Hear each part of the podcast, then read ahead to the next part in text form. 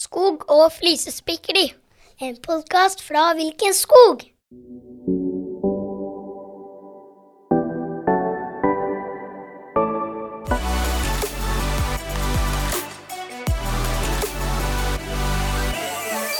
Ja, velkommen til Skog og flisespikkeri.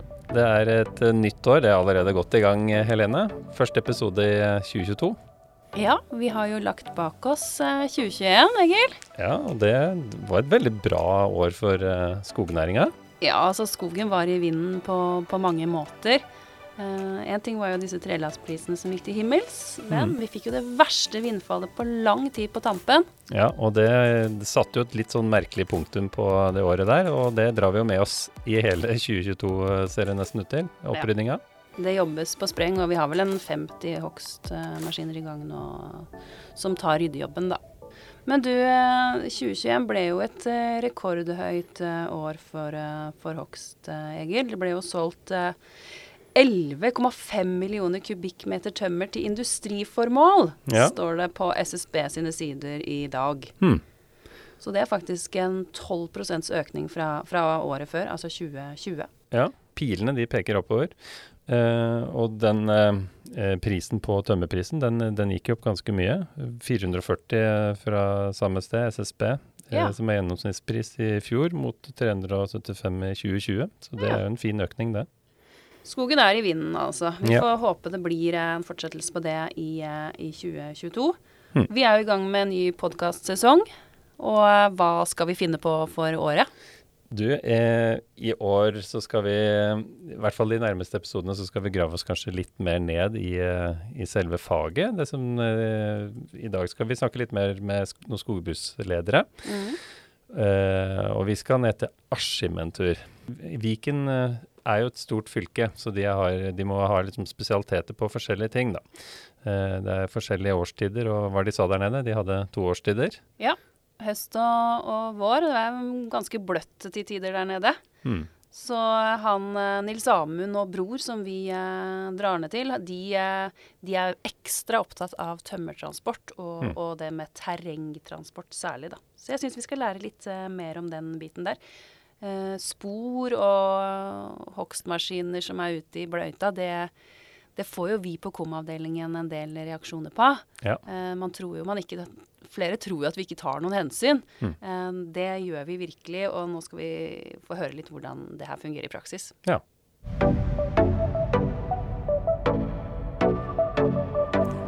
Se her sitter det jo to staute skogbruksledere, Egil. Ja, nå har vi kommet oss eh, forvillas inn på kontoret nede i Askim. Ja. Ja.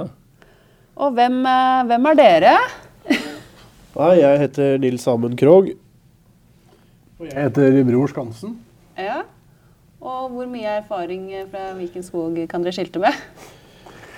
Jeg har jo mest erfaring fra Viken skog som eh, maskinkjører. Jeg har jo kjørt skogsmaskin. Ja.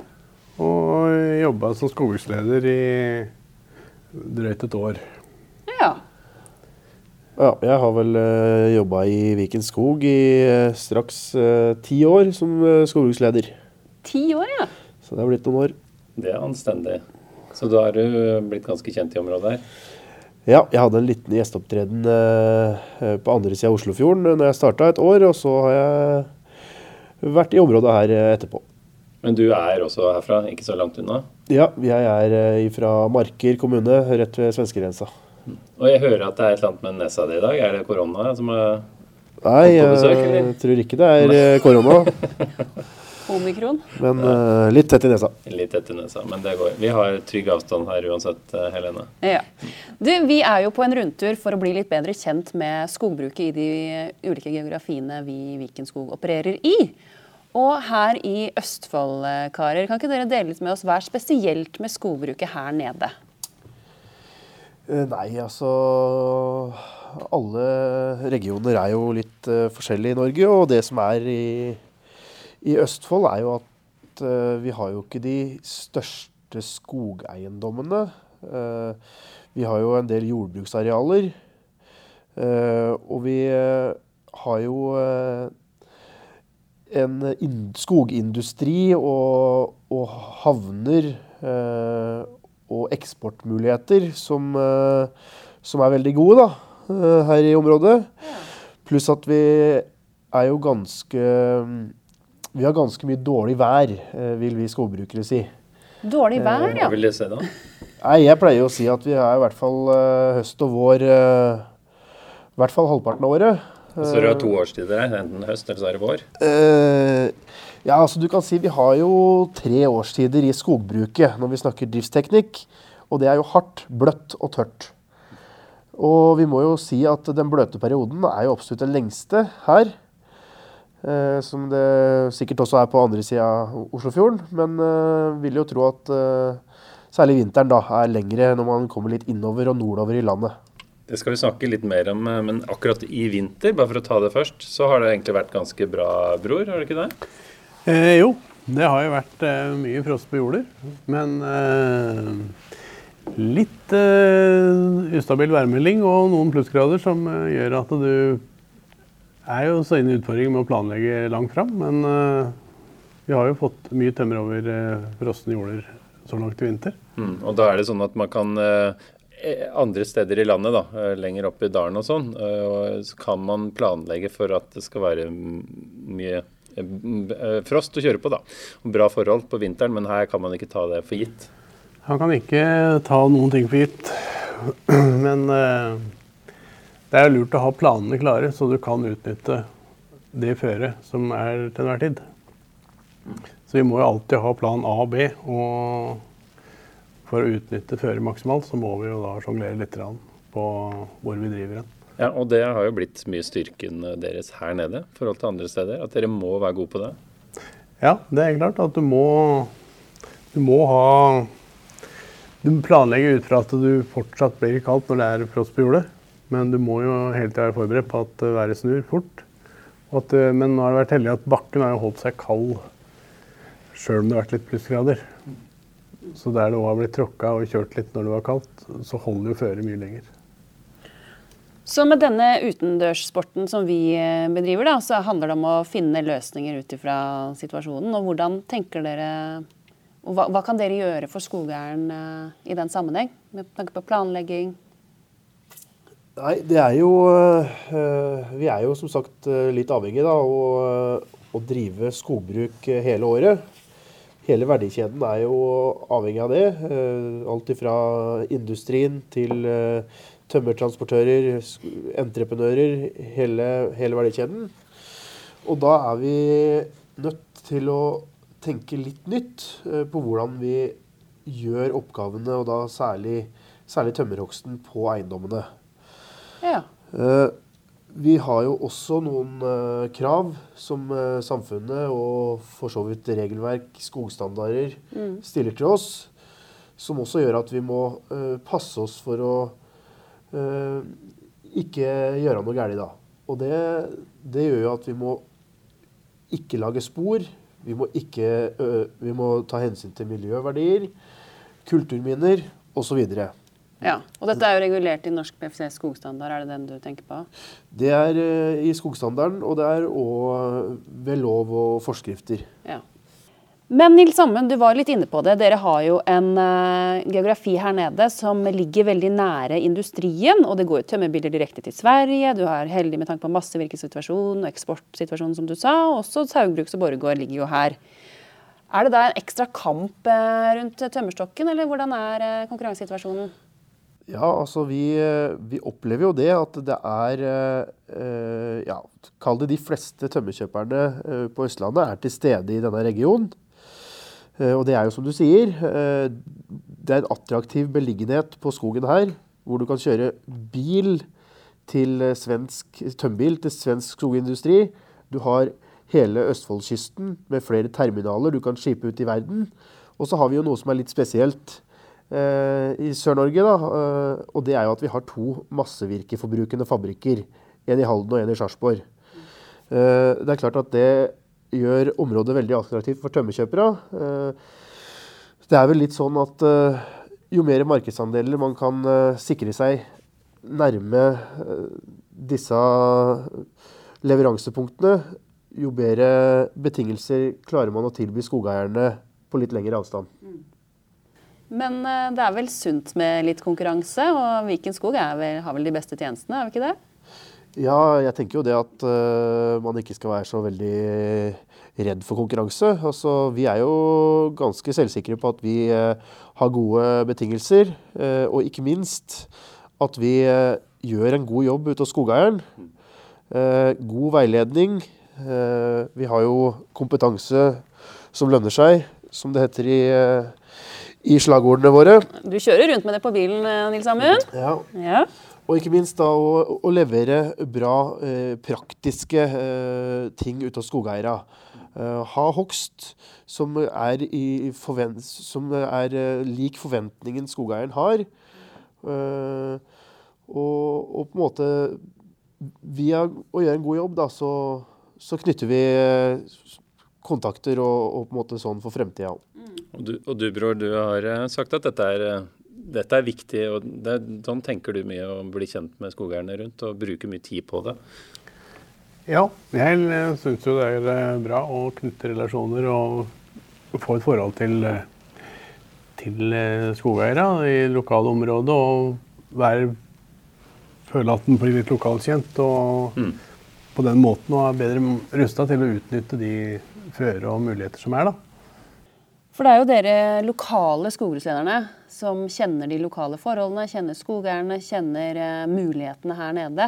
Og, og, det her med å tenke nytt og finne løsninger, uh, Nils Amund, det er du, uh, ivrer du for? ja, det er jo En del av oppgaven vår er jo på en måte å løse det praktiske rundt da avvirkning, da. Rett og slett tømmerhogst. Og det er klart at uh, det er noe annet å ha tømmerhogst og gjennomføre det i dag enn det var for, uh, for 50 år siden.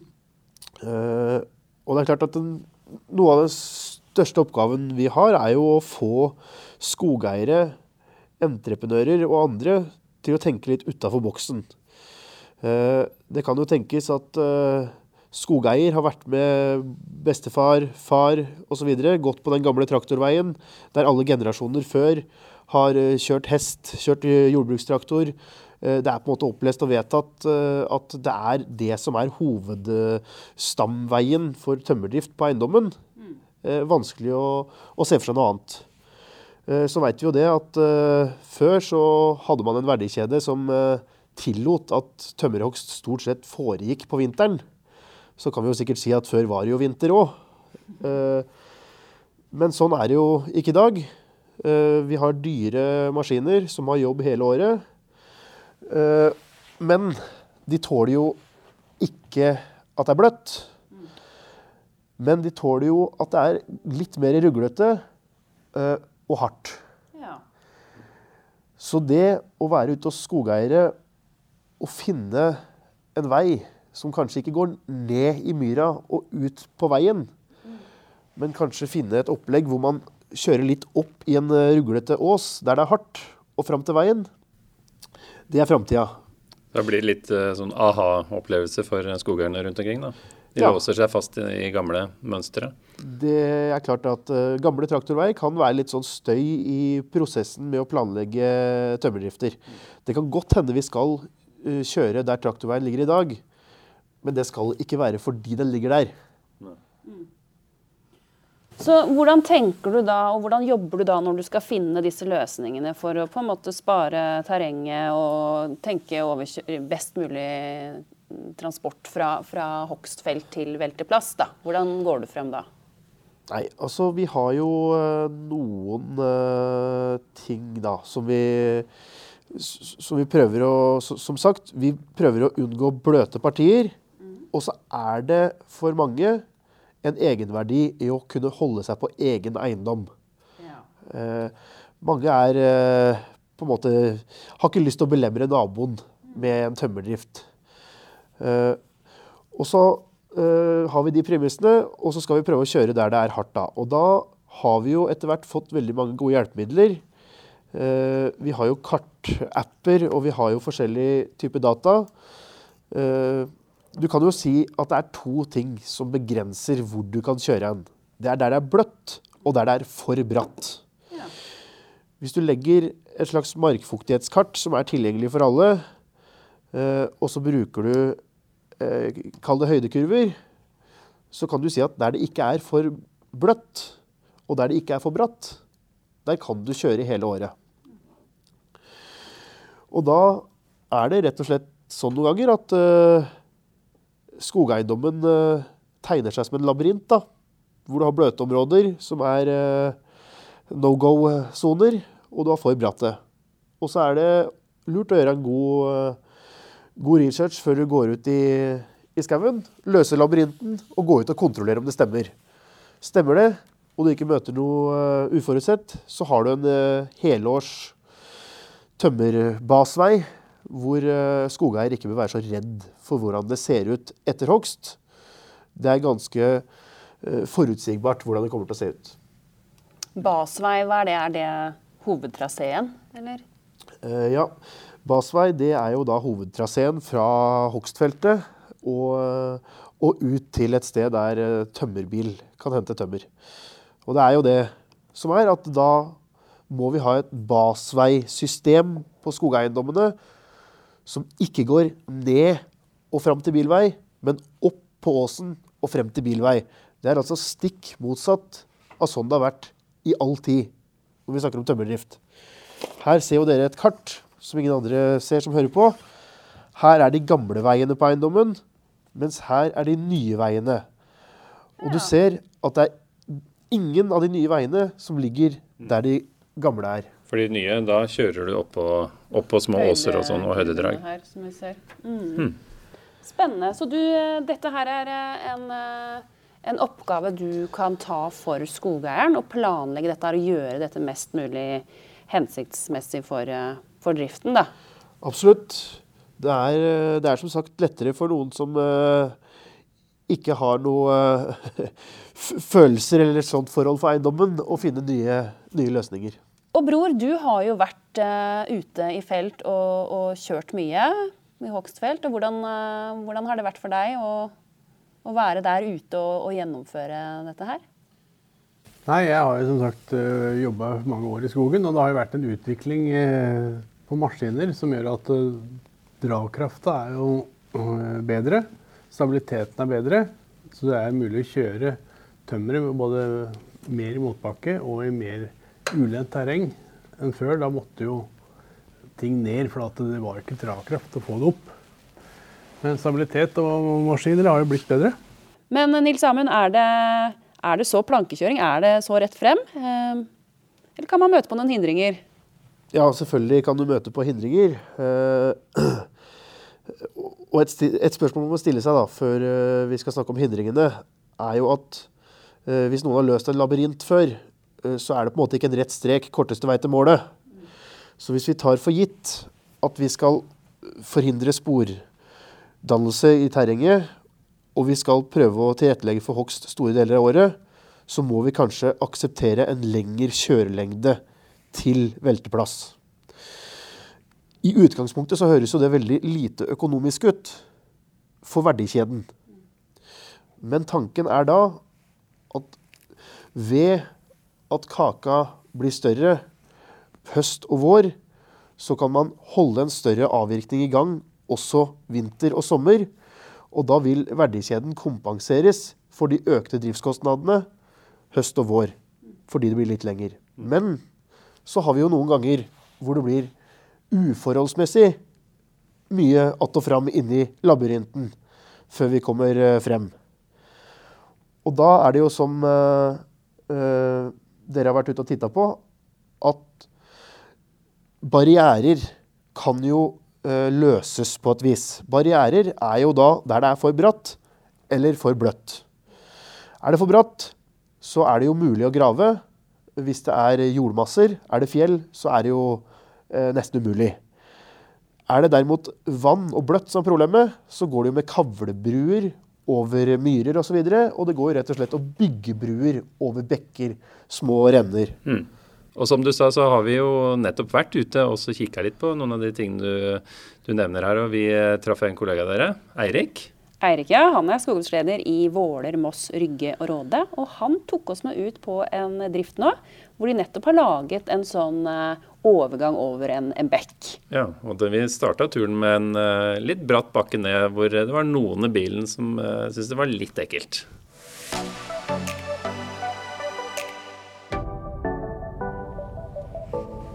Ja, Eirik, da er vi i ytterkant av et jorde her. Hvor er det vi er på vei? Da er vi på vei inn i Hobbles dype skoger for å se på en uh, tømmerdrift vi har uh, her inne. Seriøst, skal du ned her? Her skal vi ned. Du har på beltet. Ja. Det går nok veldig bra. Jeg ble faktisk litt stressa der. Nei, sånn er det å være med Indre Østfold, gutta på tur. Ja. Nei da, det går nok bra. Men uh, hva er det du skal eh, spørre gutta om her inne nå? Eller hva skal du følge dem opp litt, eller? Da er det generelt uh, litt oppfølging av oppdraget. Nå starta de å hogge og kjøre i går. Så nå er det generell oppfølging og se åssen det går. Ja. Hvor uh, ofte er du ute sånn og treffer uh, de som jobber ute i skogen, og, og følger med? Jeg prøver å være ofte ute med dem og følge opp når jeg har mulighet. For det blir alltid noen De har noen spørsmål, og jeg har noen spørsmål. For å sjekke at vi, at vi, at vi gjør som vi har blitt enige om. Og det pleier vi å gjøre, altså. Så, så det pleier å gå veldig bra. Men ja, pleier å ta meg en tur ut når jeg er i nærheten, i hvert fall. Så er det, er det jo litt artig å få en prat, og så rister det fælt her, og så går du bak det. Altså, jeg skal, sitter med lenger, altså. hjertet i halsen her. Jeg vet ikke hvordan det er med deg, Egil. Det her er ikke ville ikke tatt med elbil. Og jeg ville ikke tatt med elbil ut her, altså. Uff a meg. Sånn, nå er vi framme. Vi overlevde. Ja, hvor er vi framme? Hvor er vi nå? Nå nærmer vi oss Bære i, i Hobbel. Ja. Så skal vi gå ut og, ut og gå litt. Nå hører vi maskinene i det fjerne. Hva er det du har med deg når du går ut sånn på befaring? Jeg har med meg iPaden. Det er den viktigste verktøyet jeg har. Det er Bibelen på mange måter. Ja. Hva er det du har på den? Der har jeg skogbruksplan med masse detaljert informasjon som jeg da bruker sammen med skogeieren og entreprenørene. Hva slags type hogst er det som er her nå, da? Her er en flathogst på gang. Det er litt eldre gran som vi hogger. Som i noen områder er i ferd med å, med å tørke ut, og er hogstmoden også på alle mulige måter. Så hvordan kommer en sånn avtale i gang? Hvordan, hvordan skjedde det her? Her var det skogeier som tok kontakt med en av våre skogbruksledere. Og så planlegger vi en befaring og drar ut på den. Og så finner vi gode løsninger for, for den enkelte skogeieren. Dere ble fort enige? Her ble vi fort enige. Her kommer da Kjell Jale imot oss med lastebæreren. Ja. Her har gutta gått med for grønne maskiner. Her går det i Deere. Ja. Så nå er det Kjell Har du et uh, favorittmerke, eller? Ingen kommentar. Det tror jeg bare blir bråk hvis jeg ja, kommenterer noe. Så her det er det evige spørs store spørsmålet. Ja, ja, ja. Han har lagt litt gran ned i det ene sporet her. Er det for å sikre seg at det ikke blir spor, for store spor her? Det er helt riktig. Det er en av, en av tingene vi gjør for å minske sporskadene. Ja, hur er leget, Kjell? Jo, det er fint. Det er bra? Ja. Det går fint. Ja. Begynte dere her i går, eller? Var det sant? Ja. Ja. Ja, det, vi kjørte bare ett lass går. Ja. Ja. Men vi har bygd bro i dag, eller jeg har bygd bro i dag. Ja, jeg ser så det veldig veldig eh, Ja. Vi våger ikke kjøre over den store trømmen. Nei, nei. Det hadde ikke holdt. Det går å kjøre i tomme, men eh, man väger jo 40 ton så Vi tok sjansen på å kjøre ned med bil, vi da, så vi står her, helt nede her med bil. ja, men det är inga problem. Nei, det gikk veldig fint. Ja, ja. Atle, Helene holdt seg godt fast, så da gikk det bra. Men du har alla fyrhjulsdrift? Ja, ja, Ja, ja. Vi, vi tok ikke Teslaen. Vi tok ikke Nei, Teslaen. ikke elbil. Den parkerte vi opp i går. Ja, ja, ja. Men du, hvor lenge har du jobba ute i felt? Uh, jeg har jobbet omtrent fire måneder hos Jørgensen. Å ja. Kommer fra Sverige, Ja. Halland, Ja. Ullared. Nettopp. Hvor, hvor, hvordan er det å jobbe i Norge? Fint. Ja. Ja, veldig bra. Vi har jo mye å lære av dere svenskene på skogbruk. Ni har det kanskje? Ja, det- Syns du ikke det? Jo, ja. Tynning kanskje ni burde begynne med. Röjning. Ikke sant? Litt ungskogpleie òg, kanskje? eller? Hva? Litt ungskogpleie også. Ja, ja, Markberedning. ja presis. Det, det ligger litt etter så sett. Ja. Men det, det är, kanske beror på att det är många små skogsägare. ja, det er jo det i Norge. Mm. Egil la merke til at du hadde pakka litt med litt uh, granbar og kvist her. Jaså? Ja. Så uh, hvor opptatt er du av, uh, av at det skal bli minst mulig spor? Ja, ja, det, ja, det er jo mye. Her, här gjorde jeg for at det var så fruset Mm. og så lutade maskinen. Og jeg hadde jo havnet der nede til slut. Så jag, och jag höll inte på att ta mig in första gången. Sen var det bara att det började köra ris och så. Annars hade det inte gått. Nej. Risken är ju då att om det kanar och så får det fäste. Då kan du ju tippa faktiskt om det vill så illa. Har du gjort det noen gang? Nej, jag har inte gjort det men eh, det skulle kunna inträffa. Men vi högg ju långa stockar och la när vi byggde bron. Det får vi Ja. fixa dem sen för de är nog åtta meter.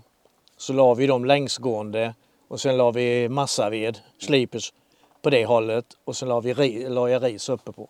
For det er jo noe dere pleier å gjøre, å Ja. legge litt massevirkestokker eh, Ja, for å komme dere over og ta vare på, på bekker og vanndrag.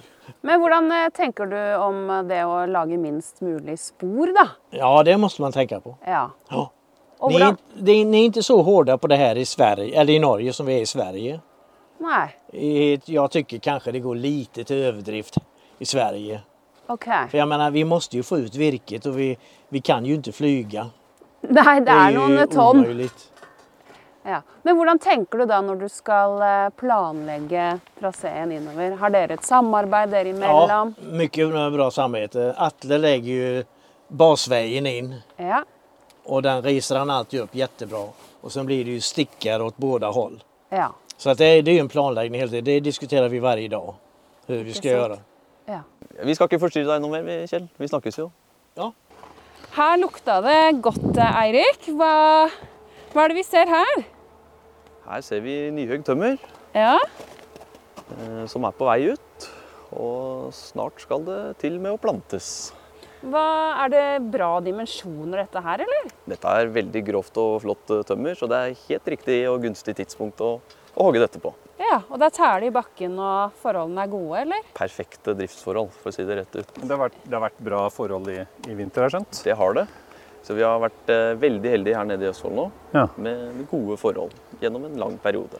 Det, det er ikke ofte Og når du sier gode forhold, så handler det om at det ikke er for, for vått og At det er eh, tæla, frost, eh, sånn at det slipper å bli minst mulig skader, sporskader. Ja. Ja, for her er dere ikke plaga med for mye snø, men kanskje for mye regn på vinteren. Ja, det kan og blir fort veldig klinete og bløtt. da, Som Mm. eh, gjør det litt mer utfordrende, men vi pleier å få til løsninger for det òg. Ja, vi driver jo en utendørsnæring, og den skal jo gå rundt eh, 365 dager i året. Ja, Så vi kan ikke bare drive på vinterføre. det går ikke. Du, Hvor mye er det som skal hugges her til sammen? Her er det et par tusen kubikk som skal, eh, som skal ut, så dette er en eh, pen drift. Du ser på de dimensjonene der borte, Egil. Rått. Hvor skal dette tømmeret henne? Dette sendes til Sarpsborg, og så skal det videre på båt nedover i Europa. Ja, eksport altså. Så dette blir eh, eksport på, på sagtømmeret i hvert fall. Men hva er planen videre her nå, etter at dette tømmeret er kjørt ut, og man er ferdig med det som Nå, skal gjøres her? da blir det planting eh, på sikt. Så her har skogeieren eh, kjøpt eh, planter, Allerede bestilt? allerede bestilt. Eh, Så det er det neste nå. Og så på litt lengre sikt så blir det ungskogpleie. Og kanskje en tynning etter hvert seinere. Så det er grovt sett løpet. Før det igjen blir sluttavvirkning da om 60-70 år. Er det noe spesielt ved det området vi, vi er i nå? Ja, eh, i det området her så hadde vi litt eh, tilfeller av eh, tørrgran. Ja. Etter 2018, som var en veldig tørr sommer, varm Ja. og tørr sommer. så har grana enkelte steder blitt tørkestressa, rett og slett. Ja. Da blir dere litt redde for granbarkebilla, da? Ja, det er der vi kommer inn på den igjen. Hmm. for den bruker svekka og mindre vitale grantrær som en inngangsportal og, og, angriper skogen sånn sett, kan du si. Ja, og Da er det viktig å få has på de, sånn, sånn at dere gjør, gjør, det litt vanskeligere for granbarkebilla yes, helt til å sverme flere ganger. Før den sprer seg videre og tar livet av friskere trær, kan du si, da, og hele bestanden. Er det noe skogeierne kan, eller bør tenke på da, i den forbindelse? Skogeieren bør rett og slett eh, ta seg en tur ut i skogen, se om han har tilfeller av tørrgran som kan være en inngangsportal for denne billa. Da. Eh, har han eh, mye tilfeller av tørrgran, så bør han ta kontakt med en eh, skogbruksleder. Sånn at vi kan komme og se på det her og eventuelt ta ut bestandene. Sånn at store verdier ikke går tapt gjennom spredning av billa. Jo, Eirik, du har ikke vært så veldig lenge i det gamet her siden i fjor sommer. Det stemmer. det stemmer. Hvordan har det vært? Det har vært eh, veldig positivt, altså. Eh, kommet inn i et eh, flott miljø på, på Askim-kontoret og møtt mange spennende og flinke skogeiere. Så det har vært et veldig bra halvår hittil, altså. Har du fått noen gode tips av Nils Amund og bror, da, som vi har hørt tidligere i sending her? Absolutt. Jeg fikk jo til og med min egen fadder når jeg, når jeg begynte her. så de har vært gode sparringspartnere nå i, i startfasen. Og kommer til å bli det utover også. Det er jeg sikker på. Vi, vi snakker sammen ukentlig og, og, diskuterer og sparrer med hverandre. Har det blitt som forventa før du begynte i jobben, da? Det har det absolutt. Det har vært en, eh, vært en hektisk eh, start på en positiv måte. Og møtt masse interessante folk og, det, og aktuelle problemstillinger, så det har vært veldig moro. Ja. Men du er ikke helt ukjent med skog, Erik? Det er, ikke, det er ikke. Jeg har en eh, far som er veldig aktiv eh, skogeier, så det er jo gjennom eh, sånn sett at interessen har kommet, kan du si. da. Så driver litt i skauen og jakter hver høst på elg og, og trives med å være ute i skauen. Så det falt naturlig å velge skog som yrkesretning. Yes, da er vi kommet tilbake til bilen her, og takk for visninga i skogen her, da. Takk for at dere ble med, det var veldig moro. Du, og jeg ser at du, kjører rundt med en bil hvor det står eh, kompetanse som lønner seg, og det hører jeg jo at eh, du har, eh, Eirik. Det er hyggelig å høre. Det har alle i Vikenskog, så det, det er bare å slå på tråden. Bare å slå på tråden.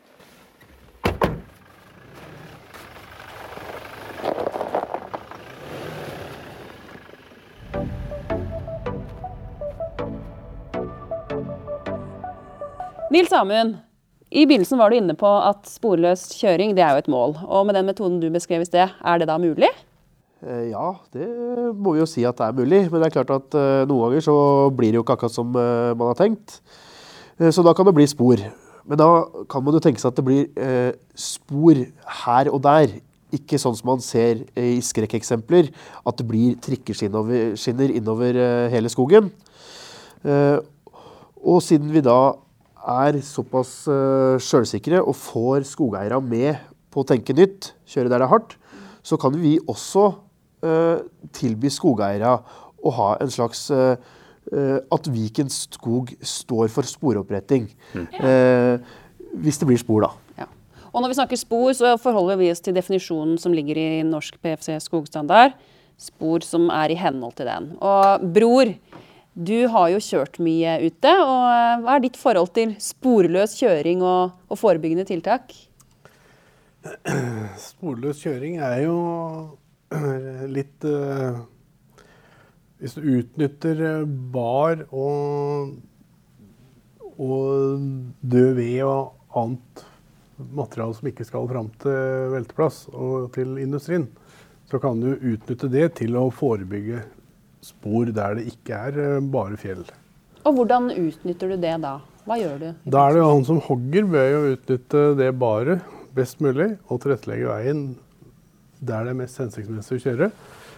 Og så må jo òg lastebæreren eh, være ha forståelsen av at eh, der det ikke er nok bar når du hogger, må han transportere med seg bar. Og hoggeren da kan legge opp hauger med bar som lastebæreren enkelt kan ta med seg på vei ut, og fylle på så hele tida prøver å unngå spor. Ja, så han bygger nett, eh, Da kan du forebygge, og så kan du hele tida reparere på veien der det ikke er, er eh, så hardt at det ikke blir spor. da. Hvordan foregår dette i praksis? Planlegger man dette, eller tar man dette som det kommer? Det er jo en planlegging, og hvis en da allerede begynner å planlegge med sporløs kjøring og følger det gode eksempelet til Nils Amund, så har du allerede begrensa de meterne som er behov for å forebygge spor. Så da blir det mindre jobb å forebygge. Og, men hele tida, hvis du utnytter det hogstavfallet til å forebygge og utbedre sporskader, så kan du redusere behov for oppretting av spor Man må, må være litt kreativ og løsningsorientert underveis Du underveis må her. lese terreng og utnytte de mulighetene som er. Ja. Så det stiller litt krav til entreprenøren at den nå er litt motivert for å, for å se muligheter. Det er det. Men uh, de fleste nå begynner vel å få en forståelse av at uh, eh, terrengtransport er liksom noe som er mer fokus på. At vi skal ikke grise og lage for mye spor. Men har skaden først skjedd, så er det mulig å, å redde dette her med å kjøre inn eh, gravemaskiner og, utbedre. Da er det utbedre. sporoppussing med gravemaskin. Og det trenger nødvendigvis ikke skje uka etter, fordi eh, man må gjerne vente på forholdene. Det bør jo helst skje når det er forhold til det. Og vi driver jo ofte med noe markberedning som må utføres med gravemaskin. Så da er det jo lurt å samkjøre sporoppretting og markberedning Mm. samtidig. Så det er én tur inn med gravemaskin. Eh, Men det er jo viktig at f.eks. ved planlegging eller utredning og å bygge ny skogsbilvei, så bør alle disse potensielle helårs harde basveitraseene på skogeiendommen være tegna inn. Så ved en eventuell nyanleggelse av en eh, eh, tømmerbilvei, klasse 3, så bør den krysse mange av de potensielle basveitraseene, sånn at vi får lett tilgang til den nye veien. Noen ganger er det ikke lønnsomt å bygge ny vei, men vi ender opp ved siden av eller i nærheten av en bilvei eh, hvor det ikke passer seg å ha eh, lundeplass for tømmer. Da er det jo aktuelt å bygge små, eh, kall det vendehammere, rundkjøringer, kanskje sånn 100 meters vei med rundkjøring for å komme vekk fra asfalt og skiltplaner og alt eh, det styret med det. Eh, og dette er jo noe som myndighetene eh, har sagt at de eh, skal være veldig behjelpelige med, eh, både med tilskudd og med å behandle ting fort. Og så er det jo som det er, at eh, vi har forskjellige erfaringer fra det. Jeg hører jo at det er mange ting man må tenke på, og da er det jo veldig godt da, at man har skogbruksledere som dere. Nils Amund, du holder til i Askim, Eidsberg, Marker, Trøgstad og Aremark. Har jeg rett? Ja. Så her kan skogeierne bare kontakte deg om det skulle være behov for planlegging og assistanse. ja, bare ringe. Og du, bror. Trøgstad, Rakkestad og litt i Aremark. Stemmer det? Det stemmer, det. Og I tillegg så har jo vi en eh, sentral veiplanlegger i Vikenskog, eh, Anders Berg Stensrud, som også jobber med vei hos oss. Han jobber bare med det. Skogsbilveier. Nils Amund og bror, dere finner absolutt nye veier i skogen, og vi får vel ta veien hjem, Egil. Ja, vi må vel eh, komme oss eh, nordover etter hvert, men det var veldig hyggelig å treffe dere. I like måte. Ja, i like måte.